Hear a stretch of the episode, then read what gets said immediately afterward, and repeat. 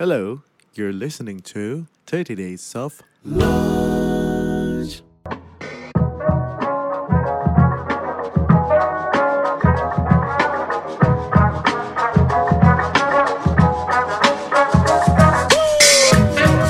banyak sekali yang posting di sosial media menyebut alhamdulillah alhamdulillah Hmm. every weekend is a long weekend iya kata Alami gitu. Bener juga. Benar. jadi yang pasti waktu istirahat lebih cukup Ya. yang kedua waktu bersama keluarga lebih panjang Iya. yang ketiga hari Jumat untuk teman-teman muslim itu adalah hari yang untuk fokus ibadah Betul.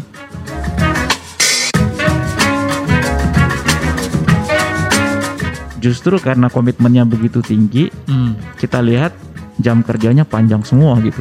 Ketika jam kerja panjang, terlalu panjang, itu lebih rentan burnout sebenarnya. Ya. Kalau udah mendekati zona burnout, productivity nggak mungkin tinggi gitu. Ya. Pasti productivity akan ikut terpengaruh. Hey guys, gue mau bagi-bagi info nih buat yang mungkin baru gajian. Sekarang setiap pembelian Lenovo Yoga Slim 7i bisa berkesempatan untuk mendapatkan promo GoPay sebesar 1.250.000. Well, emang harganya berapaan sih? Hanya 13 jutaan aja kalian udah dapat bundling sampai 3 tahun premium care, 3 tahun accidental damage protection, dan office home student loh. Nggak hanya itu, kalian juga bisa dapat kesempatan untuk mendapatkan emas dan laptop. Terus gimana kalau misalnya belum sempat pergi keluar? Tenang aja, kalian juga bisa dapetin Lenovo Yoga Slim 7i ini di official and authorized store Lenovo di e-tailer. Nah, khusus di Tokopedia bisa dapat tambahan 500.000 cashback. Wait, jangan lupa, periode ini hanya berlaku dari tanggal 1 sampai 13 Maret 2022 ya. Siapa coba yang gak tertarik beli laptop tapi hadiahnya banyak banget. Makanya, segera check out mumpung masih tanggal muda.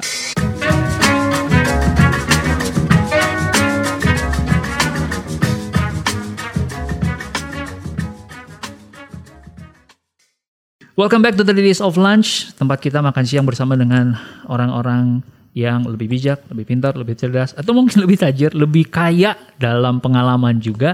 Um, karena gue percaya kita bisa belajar dari siapa pun. So welcome, tanpa berlama-lama, hari ini kita akan ngobrolin satu topik yang gue personil udah, udah penasaran banget sih guys. Karena dari dulu 2016 sebenarnya gue udah mulai remote working di company gua. Tapi ini ada yang lebih mutakhir lagi. Udah nyobain four working days. Artinya kerja Senin sampai Kamis ya. Istirahatnya Jumat Sabtu Minggu. Luar biasa banget. Dan ini adalah company yang udah berani memulai dulu. Hari ini kedatangan Chief Culture dari Alami, Om Amrul. Selamat datang Om. Uh, halo, Boleh kenalan dulu nih sama um, teman-teman yang dengerin 30 Days of Lunch. Mungkin sedikit cerita pengalaman 10 tahun di HR sampai akhirnya sekarang dialami gitu singkatnya. siap Mas Ruby. Oke, Bismillah. Eh, jadi karir di HR sebenarnya udah cukup panjang juga ya. Mm-mm. Tapi kalau mau dirunut ke belakang, saya itu orang sales sebenarnya awalnya ya. Oke. Jadi karir awal itu di salah satu bank swasta, saya Ya. memulai karir sebagai seorang sales team leader, Ya. Terus kemudian jadi branch manager, business manager, Ya. dan kemudian dari sana masuk mulai hijrah ke HR gitu. Hmm. Jadi pengalaman di dunia sales ternyata membantu juga untuk untuk me- membuat saya lebih akrab dengan performance business performance metrics gitu. Hmm. Dan itu yang mem- membuat lebih gampang nyambung ngobrol sama. Karena orang sales tuh dikejar target terus ya. Iya. nah, dari sana eh, banyak belajar tentang bagaimana berinteraksi dengan customers, Iya. bagaimana berinteraksi dengan tim, Iya. sales team. Kemudian itu yang mem- mem- melatih saya untuk lebih eh, apa namanya? sering berpikir keras bagaimana memanage people dengan lebih baik gitu. Hmm. Nah, modal itu yang membuat saya ketika pindah ke HR, kemudian berubah menjadi human human capital, Ya. sekarang berubah menjadi people and culture, Ya. itu menjadi lebih berwarna gitu referensinya. Hmm. Nah, dari dunia bisnis tadi saya move ke dunia HR, saya kemudian sempat menjadi head of HR di eh, salah salah satu multi finance eh, paling besar juga ya di Indonesia. Hmm. Terus kemudian terakhir menjadi senior VP HR di salah satu bank lima besar juga mungkin Ya, ya di Indonesia. Setelah itu baru hijrah nih ke Alami Group jadi Alami Chief Group. Culture Officer di Alami. I see. Itu Wow. perjalanannya Mas Ruby. Jadi ini teman-teman nggak di ngeragukan lagi pengalamannya ya. Dan buat saya perjalanan 10 tahun itulah mungkin yang akhirnya melahirkan ide-ide kreatif dan ide-ide segar berani men-challenge eh, HR practice yang ada selama ini gitu. Nah, saya mau langsung aja nih karena teman-teman dengerin pasti penasaran. Inisiatifnya namanya By Five ya. Jadi selama tinggal lima hari kerja, Ya, betul. udah dijalankan sejak kapan, eh, Samrul?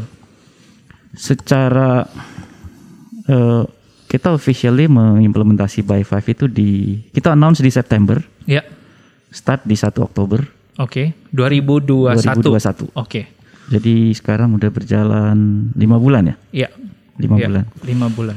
Meskipun sebenarnya sebelum kita announce di September itu kita udah coba beberapa inisiatif juga sih di September, Agustus, Juli, Juni. Mm-mm. Ya 2021 kita coba exercise beberapa ide. Ya.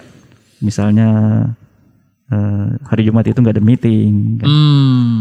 Eh, hari Jumat kita minta ritmenya lebih di apa namanya diturunin intensitasnya, iya. terus kemudian lebih banyak ngobrol, Iya. lebih banyak berinteraksi. Hmm. Karena kita melihat bahwa social connection itu itu bisa menjadi salah satu bagian utama dari well-being sebenarnya gitu. Iya.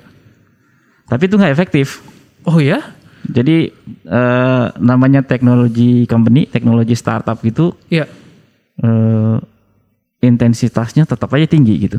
Hmm. Jadi kerja kerja kerja itu tetap berlangsung, sibuk, Orang susah disuruh jeda sesaat ya Pak ya? susah disuruh diminta jeda. Jadi ya jam jam 9 pagi apa jam 9 malam itu terus saja berlangsung. Hmm. Kita minta hari Jumat intensitasnya coba dikurangin, tetap aja berlangsung jam 9 pagi Iya. sampai jam 9 malam. Iya.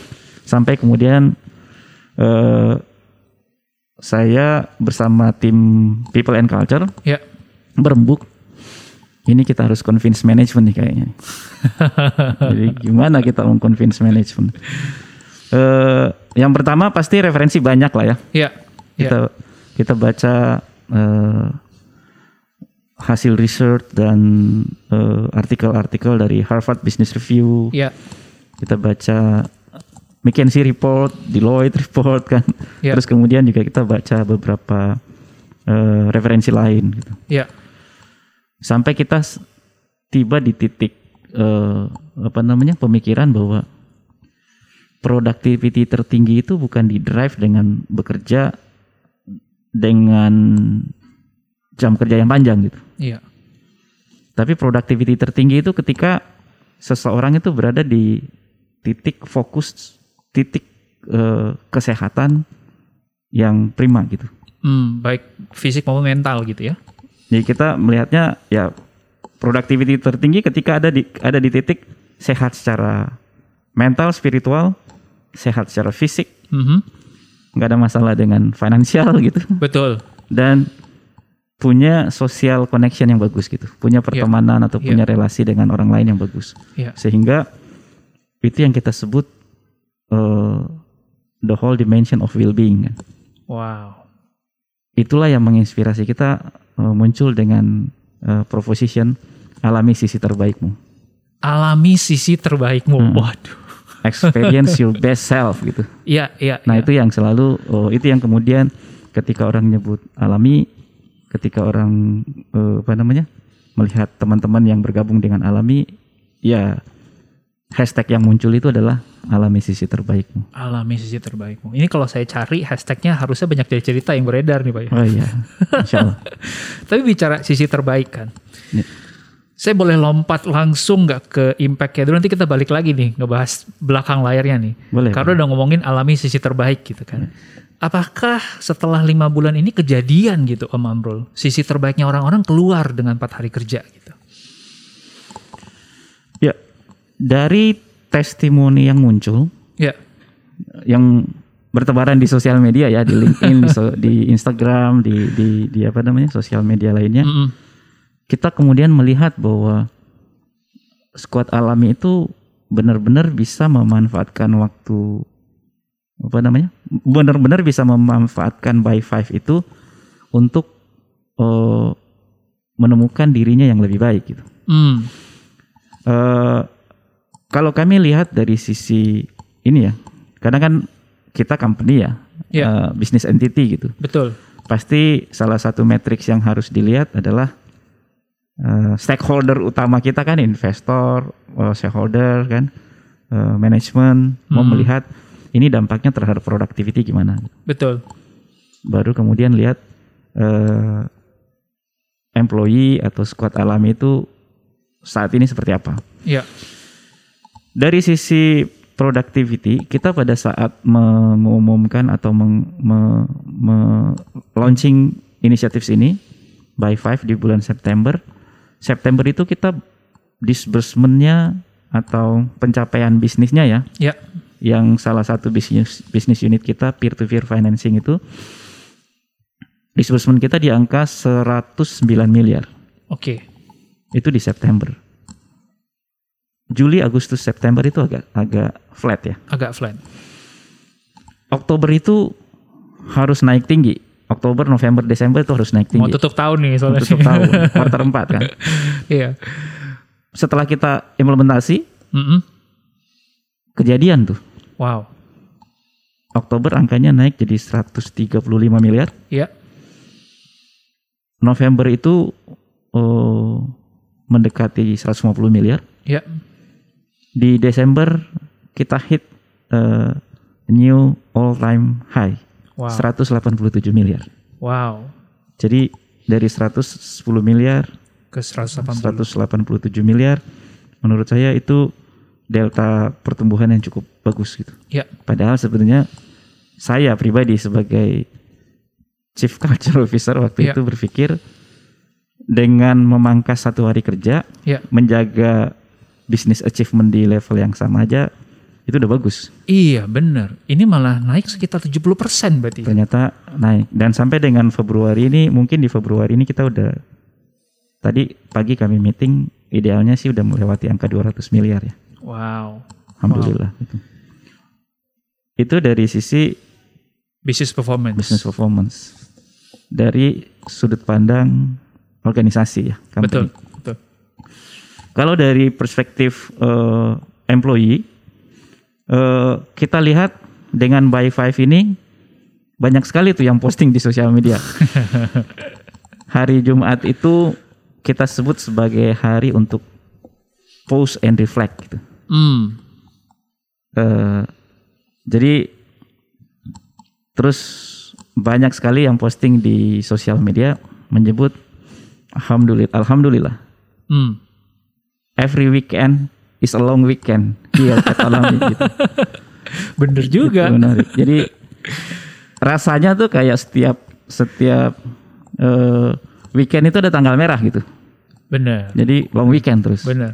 Sehingga punya waktu yang cukup untuk istirahat. Ya. Terus eh, yang pasti waktu istirahat lebih cukup. Ya. Yang kedua, waktu bersama keluarga lebih panjang. Iya. Yang ketiga, hari Jumat untuk teman-teman muslim itu adalah hari yang untuk fokus ibadah. Betul. Jadi yang biasanya kalau kerja hari Jumat itu menjelang sholat Jumat itu jam setengah 12 masih setengah meeting, menjelang jam 12 masih meeting gitu kan. Begitu jam 12 baru lari ke masjid gitu. Iya. Iya. Kalau sekarang jam 10 udah bisa ke masjid bersihin masjid gitu. Jadi waktu ibadah lebih lebih apa namanya? tersedia dengan waktu yang lowong gitu. Iya. Iya. Terus kemudian waktu untuk bersilaturahmi atau bertemu dengan teman atau sahabat Iya. yang selama ini sulit untuk ditemui itu bisa terjadi di hari Jumat. Iya. Sebagian besar tim alami, squad alami itu meluangkan waktunya untuk voluntary activity, sosial aktivitas gitu di, di Iya. luar gitu. Iya. Jadi itu membuat secara mental, spiritual, fisik itu lebih sehat gitu. Senin kerja tuh datang recharge banget kayaknya ya Pak. Senin Senin kerja recharge banget harusnya ya. Ini menarik nih karena saya sempat bikin eh, keramaian di Instagram saya gitu ya. Saya bilang kayaknya nih weekend emang butuh tiga hari. Satu hari buat recharge diri sendiri. Satu hari kalau yang udah berkeluarga pasti perlu ngunjungin mertua, Ya, ngunjungin orang tua. Lalu satu hari lagi ya buat sama anak-anak misalnya gitu ya. Nah jadi dengan tiga hari weekend ini kayaknya bener berasa setiap hari long weekend dan semua terpenuhi gitu. ya ya. Iya. Tapi dari sisi itu Pak, leb- eh, didalamin lagi gitu. Apakah alami punya metrik yang diukur? Karena biasanya kalau people in culture kan untuk eh, build trustnya dari stakeholder kan, oke kita tracking nih ya, eh, productivity itu akhirnya diturunkan menjadi beberapa angka misalnya gitu. Atau lebih general tadi ngelihat dari eh, climate-nya aja gitu, orang-orang lebih excited gitu. Atau ada angkanya tadi. Hmm. Ya, yang pasti company punya company OKR kan ya. Betul. Terus diturunkan jadi eh, directorate OKR Ya. atau division OKR. Itu turun tuh ke ke ke level individu juga. Hmm. Nah, itu secara eh, regularly kita review kan Iya. matrix-matrix yang ada. Iya. Eh, kita bukan hanya lihat resultnya karena OKR itu kan angka-angkanya biasanya emang moonshot gitu ya. Tapi kita kita eh, perhatikan gitu prosesnya, Mm-mm. mindset dan behavior yang muncul gitu Mm-mm. dalam setiap eksekusi. Mm-mm. Nah itu itu kita perhatikan. Mm. Di luar dari melihat eh, angka-angka, Iya. lagging indicator dan leading indicatorsnya kan, Iya. Kita juga selalu ada eh, survei. kan. Mm. Kita pasti eh, apa namanya regularly cek gitu ke Iya. ke ke squad kita. Iya. Well-being indexnya kayak gimana gitu. Wah, ini nih saya seru nih. Well-being index. Well-being indexnya kita ukur. Mm. Eh, banyak dimensi yang kita ukur di situ. Mm-mm. Terus kemudian kita lihat eh, skornya ada di mana gitu. Mm. Ya selama ini dari pengukuran yang kita lakukan secara rutin dari skala 1 sampai 6 itu average-nya selalu di atas 5,2, 5,3. Wow. Jadi eh, apa namanya? cukup bagus. Mm. Dari setiap survei, setiap pengukuran yang kita lakukan, beberapa hal kualitatif yang kita cek juga, Iya. kita bisa menemukan oh misalnya masalahnya ada di squad alami itu eh, dimensi lainnya oke, tapi misalnya ada beberapa poin oke, kurang olahraga, kurang bergerak misalnya kan, Iya, iya, iya. kurang tidur, gitu. Iya, iya. kurang eh, keluar atau kurang Sosialisasi. kurang terpapar sinar Si matahari. matahari. Oh iya, benar-benar. Nah tiga itu yang kita turunkan dalam bentuk inisiatif. Hmm. Jadi eh, teman-teman people and culture juga cukup cukup kreatif tuh. Iya, iya. Misalnya kurang bergerak, kurang olahraga, ya di follow up dengan inisiatif eh, bikin ini gerakan pemuda-pemudi alami bergerak, berkeringat dan berbagi gitu. bergerak dan berkeringat dan berdonasi gitu. Iya, iya. Mereka sebut gapai ridho gitu kan. Hmm. Setiap eh, berapa kilometer itu bisa di dapat koin, Mm-mm. dapat uang, Iya. uang itu didonasikan gitu. I see. Jadi membuat orang keringatnya kemudian bisa dinikmati dalam bentuk donasi, Donasi. dalam bentuk amal ke ke ke lembaga sosial gitu. Oh, Dan koin ini koin yang di dalam aplikasinya alami gitu ya? Eh, kita masih sebenarnya poin ya poin. Oh poin, oke, oke, Koin itu dalam bentuk poin, terus Iya. kemudian poin itu nanti yang yang setiap poin ada nilainya. oke. Sekian eh, ada ada certain amount gitu. Iya, iya, Berapa setiap poin berapa rupiah iya. dan kemudian eh, yang dikumpulkan itu disalurkan dalam bentuk donasi dan Oke. teman-teman di alami bisa membangun tim. Hmm. Jadi mereka bisa berkelompok mencapai jarak sekian kilometer misalnya Iya, iya, iya, itu yang didapatkan poin iya. mendapatkan cash sejumlah tertentu dan itu Iya. didonasi. Jadi ada beberapa Wow. hal yang didapat dari situ. Satu kolaborasinya dapat karena mereka bentuk timnya sendiri. Betul. Yang kedua keringatnya dapat. Hmm. Eh, gerak, bergeraknya dapat Bergeraknya dapat. supaya lebih fit secara fisik juga Betul. dan mereka melakukan sesuatu yang meaningful gitu. Hmm, Dengan keringatnya mereka berbagi kan. betul. Nah, itu itu itu yang yang yang beberapa contoh gitu. Hmm, Misalnya dari hasil survei kalau tadi kan kurang bergerak. Dari hasil survei kurang tidur. hmm, Ya kurang tidur ya kita biasanya ada inisiatif misalnya wellness coaching atau hmm. mindfulness session. Saya kira banyak tidur bisa berbagi juga Pak. Bikin video lomba tidur jadinya. Seperti itu. Ada mindfulness maksud- coachingnya ya. Ya, cuman kalau yang mindfulness memang kita dibantu oleh spesialis ya dari luar Spesialis ya. gitu. I see, I see.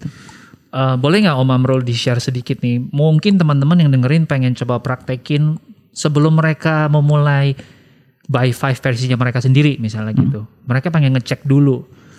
Tim gua sebenarnya pro nggak nih? Tim gua sebenarnya ngerasa ada kebutuhan nggak gitu? Karena kan ini dua sisi ya.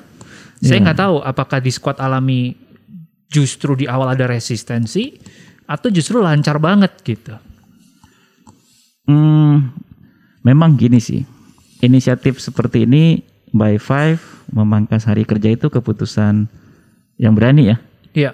Eh, saya pikir eh, inisiatif seperti ini fit untuk company yang memang eh, idealnya buat yang fondasi culture-nya cukup bagus gitu. Hmm. Hmm. Eh, kita juga berani me- melakukan ini karena kita melihat bahwa dari sisi apa namanya intention karyawan itu cukup kuat sehingga mereka itu bisa lebih self directed sebenarnya Hmm. karena karena gini eh re- turnover rate kami tuh rendah sekali Bahkan sebelum by five ini ya. Bahkan Udah- sebelum by Oke. five. Oke. Jadi sebelum kita implementasi by five, eh, yang saya ingat selama dua tahun itu yang resign hanya tiga. Yang, Wow. yang keluar dari alamnya hanya tiga ya. Dari total berapa kalau boleh tahu? Dari sekarang kan kita 350 ya. Waktu- Wow. Waktu itu sekitar 150. Iya. Yang keluar tiga. Hmm. Yang pertama dia keluar karena dia jadi country head di company lain. Oh iya, itu tawaran yang susah ditolak. Jadi itu loncatan posisinya cukup tinggi. Iya, iya, iya. Terus yang kedua tuh jadi youtuber. Gitu. Income-nya juga lebih gede. Oke. Nah yang ketiga tuh eh, kadarullah meninggal. Oke. Tapi meninggalnya tuh Sorry sebelum pandemi. Oke. Tapi yang menarik adalah kakaknya yang masuk menggantikan dia ke sini. Wow. Jadi eh, itu sih bahkan saya lihat yang resign pun punya kisah yang menarik gitu. Benar, benar. Nah karena kita lihat engagement indeksnya tinggi, Ya. eh, terus komitmen eh, para squad juga tinggi, Ya. lebih self directed. Hmm. Jadi kita tinggal memikirkan bagaimana memaksimalkan potensi yang ada dan memfasilitasi seluruh squad supaya bisa lebih produktif. Hmm. Justru karena komitmennya begitu tinggi, Hmm. kita lihat jam kerjanya panjang semua gitu. Hmm. Dan Oke. ketika jam kerja panjang, terlalu panjang, itu lebih rentan burnout sebenarnya. Ya. Kalau udah mendekati zona burnout, productivity nggak mungkin tinggi gitu. Iya. Pasti productivity akan ikut terpengaruh. Iya. Productivity jadi rendah. Atas analisa itulah kita berani eh, meluncurkan by five karena kembali lagi tadi productivity tertinggi seseorang itu bukan pada saat dia bekerja dengan jam kerja yang, Yang panjang, panjang. Mm-mm. tapi ketika dia mencapai titik tersehat dia secara Iya. mental, spiritual, Fisik. fisik, gitu, seperti Oke. itu. Oke. Wow, berarti nggak bisa sembarang sebuah company yang langsung mempraktekkan by five ini juga ya. Mereka ngelihat culture-nya dulu gitu ya. Nah, sebenarnya semua pihak punya opportunity yang sama kan mengimplementasi inisiatif seperti ini. Anyway, semua orang kan berhak untuk bekerja dengan dengan apa namanya? Orang punya hak untuk beristirahat dengan jangka waktu dengan dengan dengan jam yang lebih panjang kan atau dengan hari yang lebih panjang. Mm-mm. Cuman kalau company-nya udah cukup besar, Ya. udah cukup kompleks dan eh, apa namanya? engagement indeksnya nggak cukup tinggi, Ya.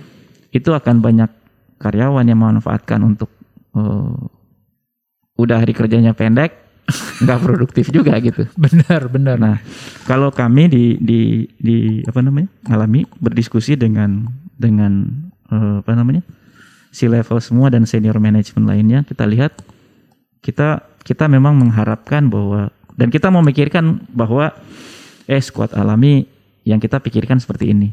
Hmm. Kita lebih memilih seseorang yang bekerja like a lion for three days, for four days, Ya. then somebody yang bekerja like a cow for five days or six days gitu. I see. Jadi I see. kalau komitmennya besar, mau bekerja kayak singa gitu di dua hari, tiga hari, Iya. empat hari itu lebih produktif daripada orang yang bekerja kayak seadanya. seadanya gitu, kayak zombie di Iya, empat hari, iya, lima hari, iya. enam hari. Gitu. Itu sih sebenarnya prinsipnya ya. Wow, itu teman-teman ya bisa ngelihat ya. Jadi tanda-tanda pertama adalah ya tim kita memang udah harus committed dulu dan mereka memang udah jiwanya ibaratnya udah all out gitu ya, Ya. Om ya. Sehingga waktu karena di bayangan saya load kerja lima hari kalau dibuat menjadi empat hari pasti ada penyesuaian. Mungkin jam kerja akan sedikit memanjang, tapi ya trade off-nya masuk akal. Punya tiga hari istirahat gitu ya. Dan apakah kejadian juga jadinya eh, jam kerja juga disesuaikan gitu. Dan mereka emang bersedia nih emang jiwa layan semua nih. Kita sebenarnya nggak terlalu fokus memperhatikan jam kerja ya. oke karena eh, gini kita kita nggak terlalu membatasi jam jam kerja formal sih sebenarnya ya. memang sebelum itu pun nggak ada clocking clock out juga gitu pak ya Ya itu nggak menjadi prioritas karena hmm kalau kalau beberapa beberapa squad di dalam eh, saya juga secara pribadi ya itu lebih produktif kadang-kadang di di pagi hari gitu. hmm, bahkan sebelum mulai jam 9 kayak orang kerja biasa gitu ya?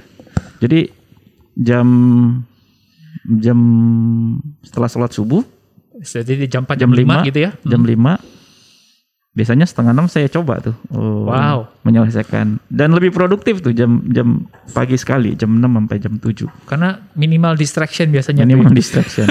Habis itu baru eh, bergerak kan baru Iya, olahraga iya, iya. gitu hmm. Baru mulai lagi jam jam 8.30 atau jam 9 iya. Siang siang kadang tidur siang gitu. Hmm. Dikit 15 menit ya hmm. Kadang juga enggak.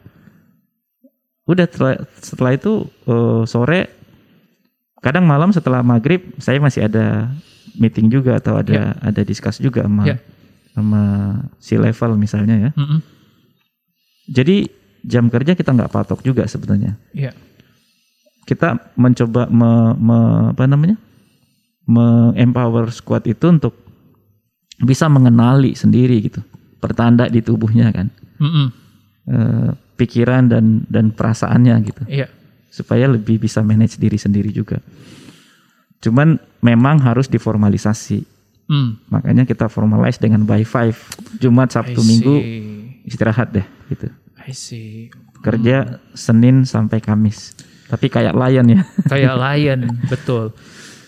Em, ini dalam konteks berarti eh, tim atau sorry squad alami juga udah diizinkan untuk eh, flexible hours atau WFH gitu ya? ya. Oke, Kita juga sudah mempermanenkan WFA, work from anywhere. wow, Jadi kita sebutnya grow everywhere gitu. grow everywhere. Jadi ada squad kita yang kerja dari Singapura, ada yang kerja dari Kuala Lumpur, wow, Kalau dari 350 squad alami eh, sepertinya sekitar hampir 175 atau 180 orang keluar eh, bekerja dari luar Jabodetabek. wow, Ada yang dari Surabaya, ada yang dari Jogja, wow, dari Bandung, wow, dari Sulawesi, dari Palopo bahkan gitu. wow. Kita juga ada teknologi advisor dari Palo Alto kan Silicon Valley. Oh gitu, Ya, wow, kita ada satu teman juga yang lagi PhD di UK gitu, Mm-mm. kerja dari sana. Mm-mm. Dan eh, saya juga lagi finalisasi akan apa namanya? Kita lagi finalisasi akan ada eh, staff representatif di di Istanbul di Oke. Turki. Oke. Jadi semua bisa bekerja dari mana aja. Wow. Nah, nyambungnya ke culture yang kuat sama engagement yang engagement index yang tinggi tadi Ya. itu yang memungkinkan orang bekerja secara self directed dan bertanggung jawab dari mana saja Hmm. dan bekerja fokus Senin sampai Jumat men- me- apa namanya mencapai Senin sampai Kamis. eh, Senin sampai Kamis mencapai targetnya dan istirahat full Cuma ibadah fokus dan bersilaturahmi di Jumat Sabtu Minggu. Wow. Saya makin ngerasa kalau ini sebuah culture yang memang nggak bisa berdiri sendiri ya. Nggak bisa cuman, oh iya gue by five aja. Tanpa diikuti dengan tadi engagement indexnya. Tanpa diikuti dengan punya work from anywhere-nya. Tanpa diikuti dengan eh, apa namanya eh, si level yang memang punya punya eh, kemauan untuk explore gitu ya hal-hal yang bisa improve productivity gitu. Um, amazing sih. saya masih lagi saya masih lagi terpesona nih pak. Jadi Eh, ini ya agak yang kita mungkin mission statement alami yang juga mendukung pembentukan apa namanya? Awareness mindset behavior karyawannya ya? Ya. Karena kita menyebut bahwa eh, alami ini hadir untuk merevolusi industri keuangan syariah. hmm, Sekarang melebar menjadi kita ingin merevolusi halal industri itu. hmm, Buat teman-teman yang mau bergabung dengan misi ini, itu memang sesuatu yang yang eh, bold mission sih. ya Jadi teman-teman yang join ke Alami itu, Alami Group, emang rata-rata punya spirit hijrah ya, hmm, Eh, punya spirit untuk memperjuangkan misi ini gitu. Jadi pada saat kita tanya, eh, karena karena kan gini nih, itu performance dan behavior itu kan adanya di permukaan ya. ya Di bawah behavior and performance itu ada thinking, ada feeling gitu. hmm, di bawah feeling ada intention sebenarnya ya. hmm, Energinya di situ tuh. Api, apinya di sana. hmm, Jadi kami melihatnya sampai di di situ. hmm, Intentionnya apa sih gitu? hmm, Ada di organisasi ini.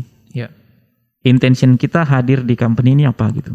Hmm, Apakah hanya mau menjadi seorang karyawan, mhm, hanya mau cari uang atau Hmm. income, hanya mau cari eh, apa namanya? eh, keterkenalan gitu kan? ya ya hanya mau cari acceptance gitu, ya Nah, itu kan eh, itu level intention gitu. hmm, Atau memang mau menemukan versi terbaik dirinya di sini, I see. alami sisi alami terbaik sisi terbaikmu. hmm, Karena menemukan versi terbaik dirinya bisa create impact lebih besar gitu I see. buat misi perjuangan Iya. ini.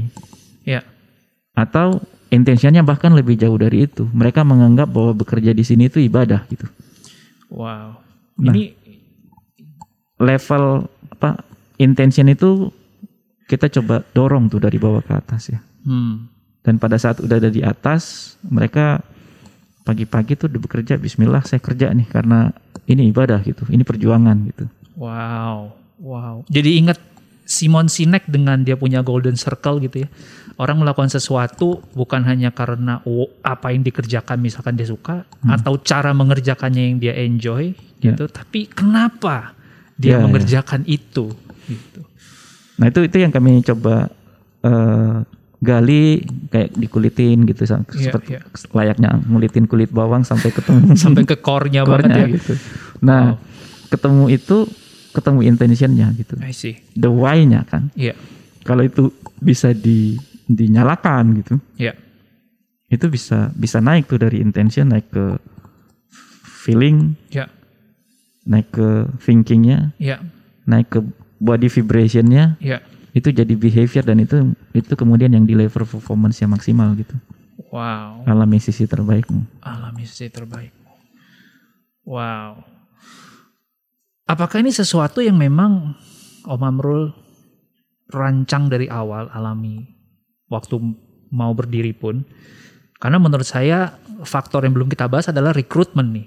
Ya. Ya kan karena kan ada orang bilang garbage in, garbage stay. Ya, ya. Iya kan? Iya, iya. Nah, berarti ini dari awal udah diimplementasikan banget dong ya, Pak ya? Eh, mission mission statementnya dari awal udah ada, tapi kan memang perlu diartikulasi kan. Betul. Narasinya disusun gitu Betul. untuk mendukung mission statement tadi. Eh, ya sama kalau misalnya sekarang nih di titik sekarang teman-teman kalau ada yang bertanya kenapa sih kita harus tumbuh kita kan udah tumbuh dari 100 miliar jadi 200 miliar sebulan Iya. kita sekarang targetkan 500 miliar sebulan gitu Iya. kenapa harus naik segitu gitu Hmm. karena masih banyak di luar sana eh, mas- masalah atau problem yang harus kita solve gitu Iya. kita harus tumbuh sebesar itu untuk solve masalah di luar sana gitu Mm-mm. supaya bisa create impact atau dampak lebih lebih besar kan Iya. Nah, eh, artikulasi mission statement tadi diturunkan ke ke itu ke level intention tadi, Iya. diturunkan ke level individu. Itu yang memandu kita mencari talent gitu. Iya. Alami Group sekarang total karyawannya 350 ya Iya. hari ini. Tahun lalu waktu akhir 2020 itu masih di bawah 100 orang. Hmm. Jadi 2021 itu kita rekrut 250 orang tanpa ketemu. Wow. Sama sekali. Eh, Tanpa ketemu fisik ya, tapi online tanpa, maksudnya ya. tanpa ketemu fisik. Mm-mm. Eh, mayoritas sampai sekarang belum pernah ketemu fisik. Iya. Yang mengikatnya apa? Yang mengikatnya intention gitu. Intention. Mereka hadir di company ini intentionnya apa sih gitu? Memang udah punya misi yang sama ya. Ah, kalau kalau kalau nggak punya nggak terikat dalam misi yang sama akan susah memanage ya. Hmm. Apalagi eh, kita proses hiringnya nggak pernah ketemu, Ya. setiap hari meetingnya juga virtual, Ya. eh, bisa saja tidak tidak tidak termonitor dengan baik ya. Ya. Tapi karena for- prioritas kita adalah bangun intention yang sama, Ya. memelihara intention yang sama, Ya. itu yang membuat sebagian besar bisa self self directed. Ya. Mungkin ada juga yang masih perlu masih masih perlu improve, Ya. tapi eh, secara keseluruhan Ya. eh, matrix matrix matrix yang kita capai angkanya bagus-bagus gitu, cukup bagus.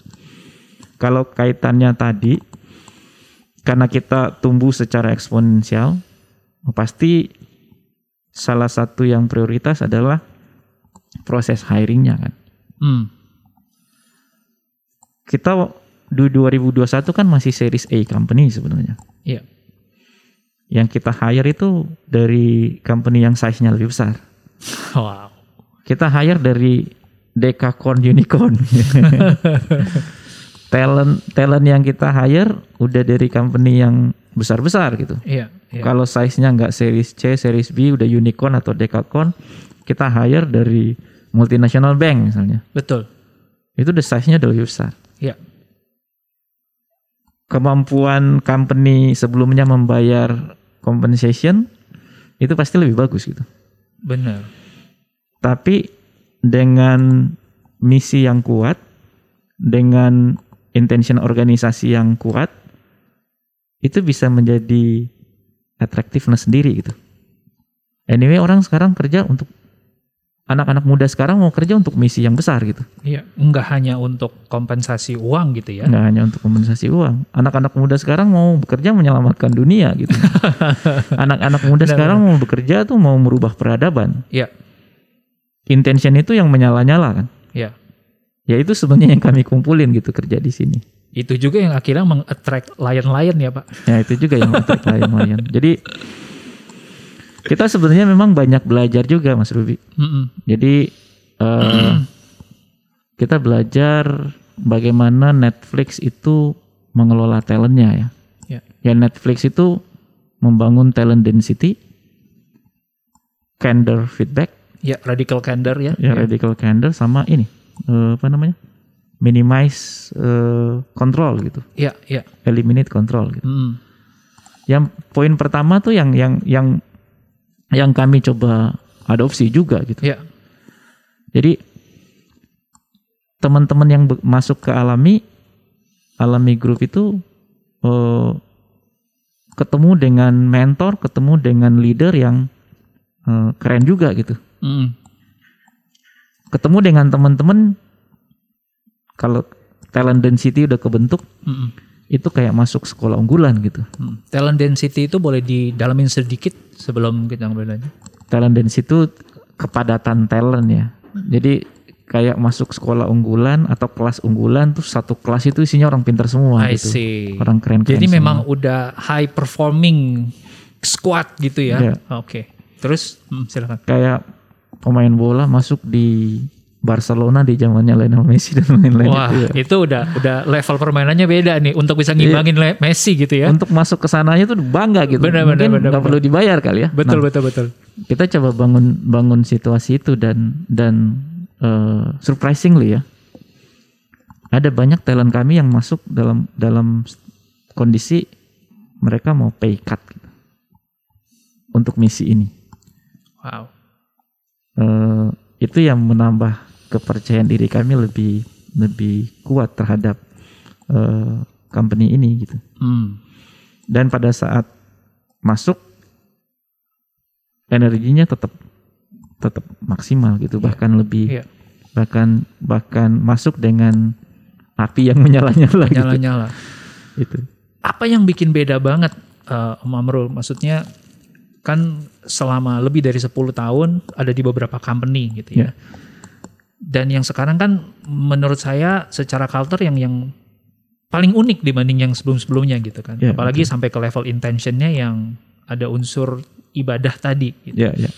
Apakah ini juga menjadi salah satu apa ya salah satu hal yang yang dimasukkan ke rekrutmen tadi gitu. Gimana caranya sih menyaring gitu ya? Ya. Sekian banyak orang yang apply akhirnya mereka bisa match bener gitu. Untuk proses rekrutmen ya kami belajar juga dari Amazon misalnya. Oh, ini menarik nih. Belajarnya dari startup-startup yang udah mendunia ya. Amazon itu punya mekanisme interview, bar riser interview. Hmm. Jadi eh bar riser itu adalah apa namanya metode dan seperangkat eh, assessment Ya. yang digunakan untuk mengukur apakah talent ini benar-benar fit dan bisa ngangkat bar kita nih kalau dia Iya. masuk gitu. Ya. Dan itu punya para bar riser interviewer itu punya hak veto hak, hak veto gitu. Hmm. Kalau kandidat yang kita mau hire itu kita lihat secara technical dan ya secara technical skill, soft skill dilihat oke nih gitu. Oleh hiring manager sama tim rekrutmen, Ya. habis itu kita lempar ke bar riser gitu. Hmm. Bar riser itu kita pilih dari senior level Ya. yang kita anggap sebagai guardian of the culture. Jadi eh, udah punya kemampuan mengakses, Ya. eh, menerawang, Menerawang merasa gitu ya. merasa dan melakukan simulasi kalau orang ini masuk bener nggak bisa racing the bar gitu. I see. Kalau kalau dari proses bar riser interviewnya nggak lolos, eh, hiring manager maupun tim talent acquisition saya atau tim rekrutmen saya akan menerima keputusan itu gitu. Oke. Jadi tetap ngelihat dulu skill atau kompetensi fit, habis itu baru culture fit ya. Ya, betul. Oke. Dan kita bar riser itu ekspektasinya adalah orang ini masuk dia harus naikin bar, Bar kita. gitu. kita gitu. Jadi kalau masuk dia bisa kontribut apa gitu dalam dalam misi ini. gitu. Karena goalnya talent density tadi itu. Iya iya. Oke. Kalau nggak lulus di bar riser terus kita paksain masuk itu bisa narik ke bawah kan kualitas. kita. Bener. Bener. Itu Mas Ruby. Wow, ini 40 menit teman-teman ya. Saya ngerasa dapat crash course untuk membangun culture dan people management yang yang jauh lebih powerful ya buat di organisasi teman-teman. Em, Mungkin saya akan ngambil kesempatan ini untuk eh, ngulik beberapa pertanyaan yang teman-teman udah tanyain lewat Instagram. Saya tahu pasti banyak yang juga penasaran. Em, izin waktunya mungkin beberapa menit lagi ya. Siap, Amrul. Ini ada beberapa yang menurut saya menarik banget nih. Saya mulai ini malah ada yang bertanya ada lowongan kerja nggak di sana? ya udah jawab itu dulu deh Om. lowongan kerja eh ya pasti banyak ya Pasti banyak pasti ya. banyak Eh, tim employer branding kita selalu posting di ini di LinkedIn. LinkedIn. Oke. status saya juga always hiring gitu Always hiring. karena kita dalam posisi yang eh, series B, series A itu series B, series B itu series C karena itu kan fase hyper growth ya. Betul. Jadi pasti pasti hi- pasti hiring gitu. Pasti hiring. Oke. Oke, jadi teman-teman bisa cek aja LinkedIn-nya Alami ya. Nah, saya masuk ke quick question berikutnya nih dari Rini M. Ria. Jika empat working days, kemungkinan akan adjust load kerjaan dan sebagainya gitu. Ini cukup challenging. Apakah mental bisa terjamin bukan kebalikannya justru? Ya, ya. Gini ya. Kalau kita kerja misalnya 8 jam ya sehari, 8 kali 60 menit itu kan berarti dua berapa tuh? 200 eh 480. 480 menit. Apakah kita akan apakah kita perlu di di posisi eh, sangat produktif di, di 480 menit? Pasti ada break, pasti ada, Pasti ada momen yang kita in the zone banget flow, ada momen yang rehat gitu ya. Ya. Kalau kalau empat hari, jadi dulu teman-teman alami itu alami squad punya 2.500 menit seminggu gitu. Seminggu. Oke. Kita pangkas jadi 2.000 menit, Hmm. lebih produktif 2.000 menit. Karena pada dasarnya manusia penunda kan, Hmm. punya waktu panjang, Ya. pu- punya waktu lebih panjang biasanya eh, akan menjadi justifikasi untuk eh, eksekusinya juga nggak perlu Hmm. seketat. Hmm. kalau waktunya lebih pendek gitu. Iya, iya, iya, iya. Ada itu ada yang namanya Parkinson's law ya, Pak ya. Iya, Jadi manusia itu kecenderungannya akan menyesuaikan waktu bekerja sesuai dengan dia dijatahin berapa gitu. betul. Kalau saya dijatahin 10 jam, ya udah kerjaan gue sebenarnya bisa selesai dalam 5 jam, tapi gue bikin jadi 10 aja. Cuman untuk memenuhi tanggung jawab di kantor mesti harus 8 jam gitu misalnya. Kenapa kita menemukan banyak orang tuh yang baru bertobat dalam kehidupannya di umur 70 tahun gitu? Kenapa tuh? Karena dia merasa ajalnya udah dekat gitu. Oke, sebelumnya masih ngerasa ah masih Ayo, ada waktu. Eh, kalau kita berpikir bahwa amal umur kita hari ini adalah hari terakhir kita di dalam kehidupan kan. Iya, Kita akan melakukan yang terbaik itu hari ini. betul. Kalau kita melihat bahwa eh, durasi waktu yang kita miliki untuk menyelesaikan satu pekerjaan atau beberapa pekerjaan, ke- melihat eh, Ya. batasnya, Ya. itu kita akan lebih fokus gitu. Hmm. Karena ada Kita pen, kita memangkas jumlah menit dari 2.500 menjadi 2.000 menit per minggu, Mm-mm.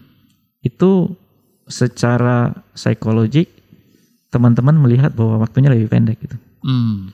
Fokus untuk eksekusi Hmm. menjadi lebih tinggi. Hmm. Terus pemilihan sama prioritization itu jadi lebih bagus. Fokus kepada poin-poin atau most impactful uh, metrics Hmm. atau target itu menjadi lebih clear priori- prioritasnya gitu. I see. I see. Jadi uh, eksekusinya lebih fokus, fokus pada yang impactnya lebih besar. ya, Itu juga yang mendrive result yang lebih bagus gitu. I see. pada saat ini saya coba me- mengingat-ingat pada saat masih work from office zaman dulu ya Iya, iya, sebelum iya, pandemi. iya. Kita kerja di di korporasi gitu. Iya. Saya kerja di Sudirman lah ya. Ya. Di di CBD. ya kerja di sana nyetir dari rumah ke kantor. Ya. Itu udah makan waktu satu jam. Minimal kalau di Minimal Jakarta. satu jam. Nyampe di di kantor, naro eh, tas, naruh laptop, terus turun dulu beli kopi. Iya. Nyiapin mental dulu. Breakfast kan. Breakfast sama temen dulu kan sambil Iya, ngopi iya. gitu. heeh. Selesai 9.30. Iya. 90.30 baru ke atas gitu. Hmm. Selesaiin kerjaan sampai jam 10, jam 10 meeting gitu. Iya. Lunch turun lagi itu. Lunch meeting. Iya. Kalau disiplin kembali jam 1 gitu. Iya. Bisa agak molor setengah dua gitu Betul. kan. Kalau lunchnya di di mall atau di mana Iya, kan. iya, iya. Efektif jam 2 baru mulai lagi gitu. Iya. Jam 5 coffee break lagi kan. Iya. Sampai jam 6 sholat maghrib dan lain-lain. Iya. Baru balik lagi jam 7. Kerja sampai jam 8, jam 9 malam. Hmm. Terus berkendara lagi pulang ke rumah. Berkendara lagi pulang ke rumah. Berapa menit sebenarnya yang digunakan fokus untuk mengeksekusi target gitu. Kemungkinan besar di bawah 6 jam, mungkin 5 atau 4 gitu ya. Mungkin 3 jam gitu. Mungkin 3 jam. Mungkin bahkan. 3 jam. 3 kali 60 menit berarti 180 menit. Kalau 5 180 hari kali 5 hari nggak lebih dari 1000. lebih dari 1000. Iya kan? Iya, iya, iya. Makanya kami lebih memilih squad kami itu orang-orang yang mau bekerja like lion for Yes. two days, for three days, Iya. for four days dibanding dengan somebody walking like a cow or like a zombie for five days or six days gitu. Itu dia teman-teman kuncinya. Kalau saya mengibaratkan ini ya Om Amrul ya. Kayak momen dulu tuh saya waktu sebelum pandemi pasti teman-teman ada yang masih holiday ya, masih jalan-jalan ya. Kebayang gak sih rasa-rasanya di mana kita memperjuangkan ke manajemen atau ke pimpinan, Pak saya mau cuti eh, 12 hari nih, kayaknya ini liburan tahunan saya gitu. Nah teman-teman seminggu sebelum mau cuti panjang itu pasti kita padatin kerjaan dan kayaknya banyak yang bisa di-accomplish. Iya, betul. Nah mungkin ini sensasinya kayak gitu, tapi setiap minggu ya. Yeah, every weekend is a long Every weekend. weekend is a long weekend. Wow, got it. Uh, very well uh, made case, uh, Om Amrul. Saya masuk ke mungkin uh, dua pertanyaan terakhir ya dari teman-teman. Dari Bagus Hadinoto. Kita tadi udah bicara impact-nya positif, kita bicara uh, culture-nya yang emang juga mendukung. Tapi ada nggak challenge-challenge yang selama ini belum belum nggak kelihatan di permukaan gitu? Um, waktu mempraktekkan 5 ke 4, um, silakan Om Amrul. Eh, setiap inisiatif baru tuh pasti ada ada challenge-nya ya. Ya, Yang pertama dari manajemen dulu. yang pertama. Yakin nih gitu jawabannya. Eh, ya kita harus convince ya. ya, Kenapa kita propose eh, inisiatif ini gitu. ya, Terus yang kedua, pada saat kita start implementasi, apakah 100% dari squad itu eh, apa namanya? Bisa memaksimalkan inisiatif ini gitu. ya,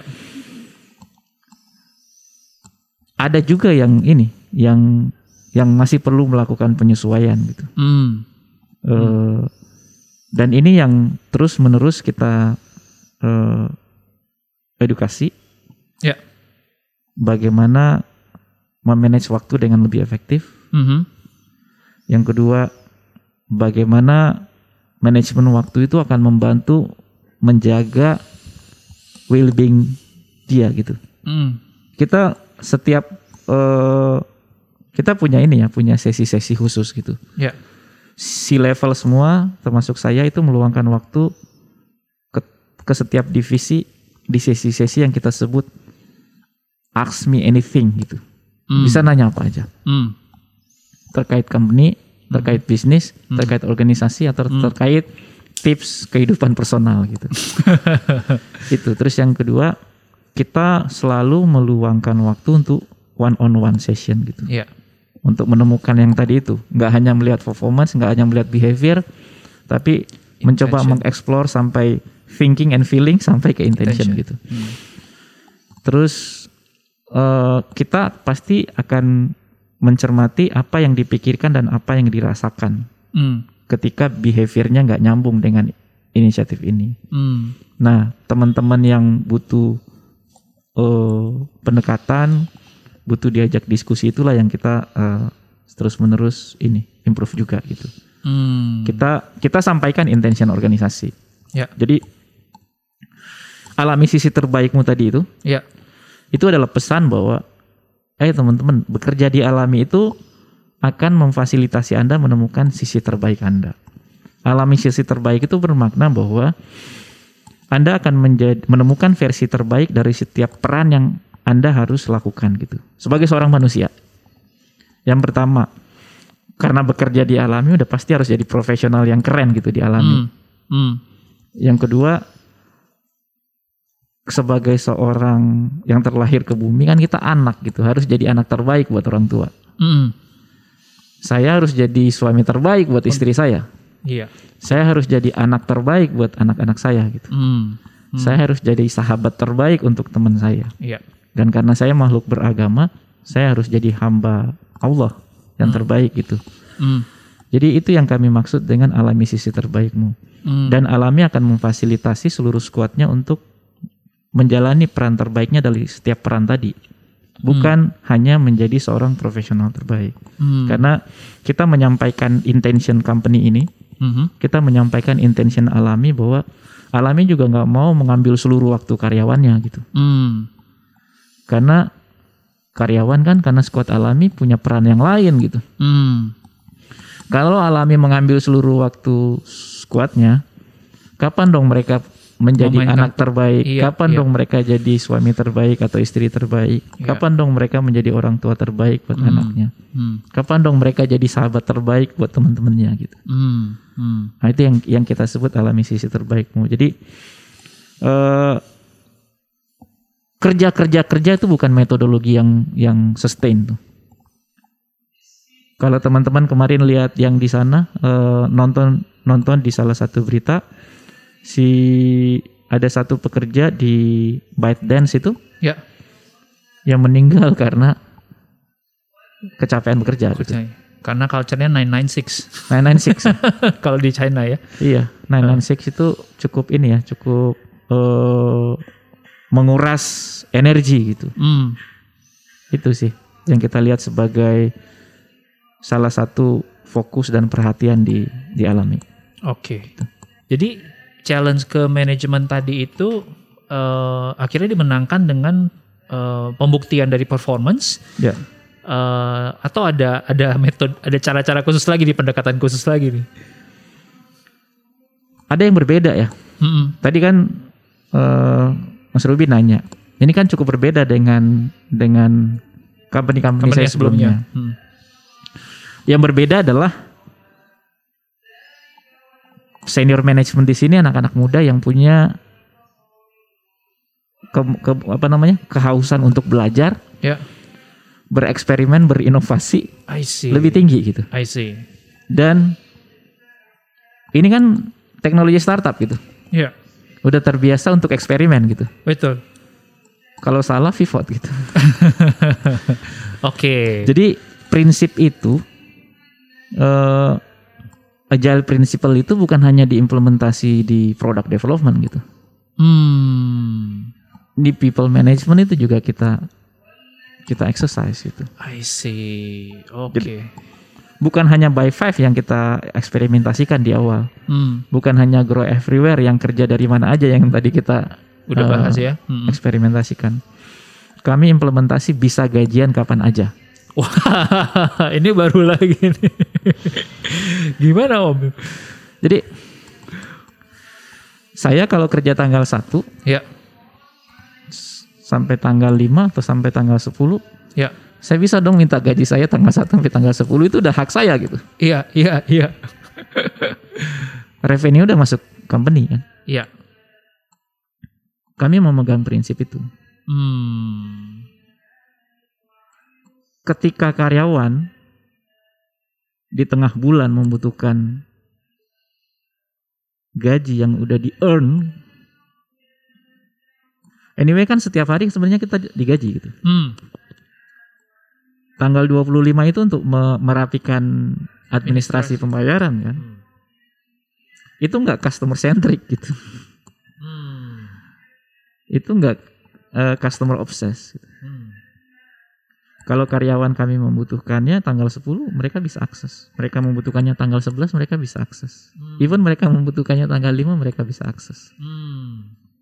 Yang penting earn wage access gitu. Hmm.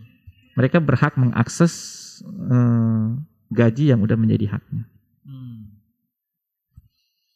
Dan itu kita exercise digunakan oleh karyawan squad Mhm. alami Mhm. dan itu bisa menjadi services yang kami jual gitu karena kami financial services gitu kan. Wow. Wow. Kenapa nggak kami melayani karyawan perusahaan-perusahaan lain yang mau gajian eh, Iya. kapan aja? Hmm. Hmm. Eh man- arrangement ini ya, Monday to Friday bekerja di kantor dan gajian tanggal 25 atau akhir bulan itu kabarnya itu konstruksi abad 19 gitu. Dan belum pernah ada orang yang men-challenge secara eksperimen yang seperti ini. Iya. Kenapa kita harus bekerja Senin sampai Jumat gitu? Hmm. Kalau kita bisa kerja Senin sampai Kamis gitu. Betul. Betul. Kenapa kita harus setiap hari datang ke kantor? Kalau kita bisa capai productivity tinggi, kami tumbuh 500% setahun Hmm. tanpa ke kantor gitu. Hmm. Dan kenapa kita harus gajian tanggal 25? Hmm. Kenapa nggak dibuat mingguan? Hmm. Saya pada saat kita makan di restoran misalnya Ya. atau ngopi di coffee shop, Ya. kan nggak ada tuh ngopi di coffee shop bayarnya tanggal 25 gitu. kan bayarnya sehari itu juga. Iya, iya. Makanya banyak fintech yang kasih eh, fasilitas buy Pay- now pay later. Iya, pay later, betul, betul, Eh, betul. Revenue udah masuk hari ini, Hmm. tapi karyawan tuh harus menunggu gajinya Hmm. di tanggal 25. Hmm. Kami dialami membuka kesempatan kalau karyawan mau mengambil gajinya lebih cepat, silahkan kalau memang butuh. Ya. If they already earn it and they need it, let them access it. Wow. Kan itu hanya ya mungkin pertanyaannya kenapa ya mungkin kalau perspektif eh, orang operation zaman dulu ya Hmm. Hmm. Hmm.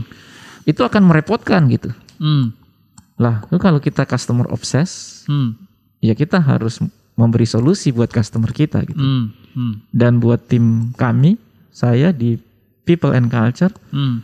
ya kita harus memberikan service terbaik untuk squad untuk karyawan kita. gitu. Hmm. Hmm. Kalau mereka udah gaji itu udah menjadi haknya, mereka butuh di tanggal 15, kita suruh tunggu sampai tanggal 25, mereka akan cari solusi ke tempat lain. Betul. Mereka akan pinjam ke keluarganya, kalau keluarganya nggak ada, Ya. mereka akan pinjam ke temannya, Ya. nggak ada lagi, mereka Ya. akan pinjam ke Ya. kredit card Ya. yang berbunga Ya. tinggi, Ya. mereka akan pinjam ke pinjol, Ya. mereka akan pinjam ke rentenir, Ya. dan itu tidak akan bagus untuk jangka panjang gitu. Hmm. Itu mencederai konsep the whole dimension of well-being tadi, Ya. karena kita udah menjanjikan bahwa kita akan melakukan upaya terbaik untuk menjaga squad kita itu sehat secara fisik, mental, spiritual, financial sehat, Sosial. dan social connectionnya dia punya teman, punya sahabat di sini gitu, Benar. sehingga bisa benar-benar lebih sehat secara utuh. Iya. Alami sisi, Sisi terbaik. terbaik. Wow.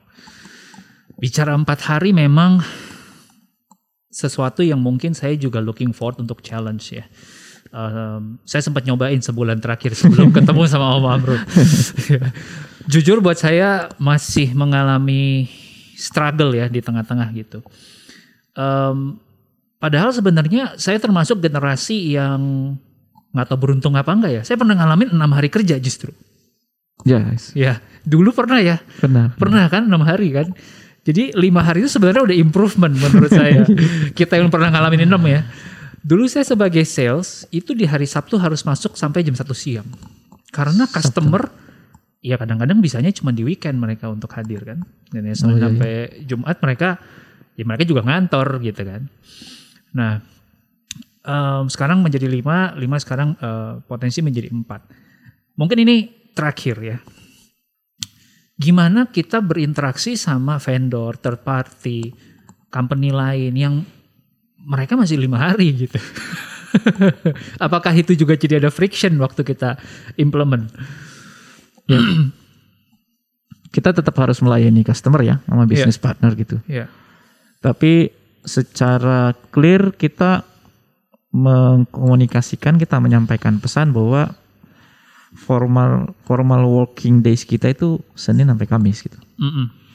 Kalau ada services, layanan atau interaksi yang harus dilakukan di luar dari hari kerja formal itu untuk customer services itu tetap harus kita follow up Mm, dan itu bisa diganti gitu. I Harinya. see. Eh, pada prinsipnya hari kerja formalnya Senin sampai Kamis, Mm, Jumat Sabtu Minggu libur. Tapi ketika ada kegiatan yang eh, urgent dan memang harus di follow up di hari Jumat atau Sabtu atau Minggu itu bisa diganti dengan dengan hari yang lain. Wow. Jadi konstruksinya memang empat hari kerja, tiga hari libur. Mm, kalau sampai bekerja di hari eh, apa namanya di hari Jumat Sabtu Minggu itu bisa dikompensasi bisa dikompensasi. hari berikutnya. Oke, oke. Itu kayaknya win-win solution ya. Ya, Benar ya untuk saat ini ya. Nah, eh, teman-teman satu jam wih udah satu jam ya. nggak berasa ya, padat banget. Dan saya rasa satu jam ini benar-benar kayak kuliah nggak langsung. Oh iya. Banyak banget yang bisa di-download tentang uh, people management, tentang culture, uh, dan terutama mungkin teman-teman ada yang tergerak untuk eksperimen dengan uh, empat hari kerja ini. Um, kalau ada yang mencoba dan akhirnya mendapatkan sebuah pengalaman yang baru, mungkin bisa teman-teman share juga di sosmed, um, bagikan karena menurut saya ini sebuah movement yang menarik untuk dicoba ya mungkin Om Amrul juga akan seneng kalau banyak diskusi ini terjadi secara online Happy banget. happy banget Eh, mungkin bisa colek di LinkedIn atau di sosmed lain biasanya Om Bisa di LinkedIn. di LinkedIn ya carinya nama lengkapnya Amrullah Tahat ya. Amrul Amrullah Tahat. Amrullah Tahat Atau Siap. bisa colek eh, LinkedIn Alami ya atau Instagram Alami Stories. ya Eh, kita ada satu juga hijrah hijrah.id ya. hijrah.id Ya. hijrah tanpa H di belakang ya Ya tambah haji. Hijrah H I J R A. Oke. Nah, buat teman-teman gue yakin banget episode ini impactful banget dan ini jadi tutupan yang menarik ya. Kita sekarang di episode 90. Jadi kebetulan nih Om Ramul pas banget jadi episode tutupan kita yang strong banget. Mantap. Um, 90. udah 90 kita ngerjain ini tanpa terasa sudah tiga tahun dari waktu orang tidak mengenal apa itu podcast sampai sekarang semua selebriti bikin podcast. Oh iya betul. Jadi kita tetap dengan misi kita. Kalau tadi uh, Om Amrul bilang sampai ke level intention ya, kita juga punya intensi yang clear dari 2018 kita pengen empowering uh, teman-teman terutama yang di usia produktif 20 sampai 40 untuk terus upgrade diri, belajar hal-hal baru dari mana pun yang pastinya akan bisa uh, nambah wawasan kita, uh, impact kita di pekerjaan, di karir, di bisnis dan juga personal well-being kita. Um, saya mungkin akan berikan kesempatan terakhir buat Amrul kalau ada pesan terakhir lagi yang pengen di-share ke teman-teman. Um, silahkan. Siap. Ya seperti Mas Ruby sampaikan tadi ya, kami sangat happy kalau ini menjadi sesuatu yang menginspirasi banyak organisasi lain. Ya. Karena kalau makin banyak organisasi, makin banyak company yang memberikan perhatian terhadap eh, employee well-being, terhadap kesehatan karyawan. Ya. Karena kita harus mengingat bahwa kita merekrut karyawan kita itu dalam kondisi terbaik mereka. Ya. Begitu bekerja, perform, memberikan yang terbaik. Nanti kalau suatu saat exit dari company yang kita manage, itu idealnya kita kembalikan ke keluarganya dalam kondisi baik-baik juga gitu. Jangan sampai cedera fisik dan mental. Jadi ini adalah intention yang yang harusnya kita bangun secara tulus Ya. dan kalau ini menjadi sebuah movement, ini akan menjadi sesuatu yang bagus buat society. Ya. Ini mungkin akan bagus buat Indonesia kalau anak-anak mudanya sehat semua, sehingga eh, pikirannya lebih jernih, Iya, perasaannya lebih damai, iya. sehingga produktivitinya lebih tinggi. Yes. Itu akan akan mungkin akan membantu Indonesia maju 2040 gitu. Benar. Di masa kita nanti bakal ada bonus demografi itu ya. Di mana kita berada di golden age ya. Yes. Indonesia berada di fase terbaik di mana populasinya tuh ada di populasi yang mayoritas ada di kelompok umur produktif, produktif, sehat fisik dan mental. Itu kontribusi kita buat buat bangsa. Bangsa ini. Wow. Dan kalau kita lihat kemarin saya baca artikel di di saya nggak tahu apakah di McKinsey Report atau di di Harvard Business Review itu Belgium Belgia ya Yes, Belgium. menjadi negara berikutnya yang memformalisasi empat hari kerja setelah Finland, Finland. Uni- United Arab Emirates, Yes. Belgium, dan Alami. Alami. Semoga ini bisa menjadi gerakan bersama ya. ya. Ya. dan kita bisa sharing bersama pengalaman, eh, success story, Ya. challenge. Ya. Jadi kita bisa jadiin ini sebagai kelompok belajar bersama. Siap. Thank you banget sekali lagi Om Amrul buat kesempatannya berbagi di sini. Saya berangkat dari colek-colek di Twitter, eh ternyata akhirnya kesambung dan akhirnya kejadian. So it it truly is a dream come true bisa ngobrol sama company yang um, way ahead uh, dalam praktekan culture uh, agile ya. Um, kita tutup di sini obrolannya, teman-teman. Sekali lagi kalau dapat manfaat, bagikan supaya nggak berhenti di kita, supaya banyak orang lagi yang bisa mempraktekkan hal-hal baik dari episode ini. Um, see you at the next lunch. Thank you.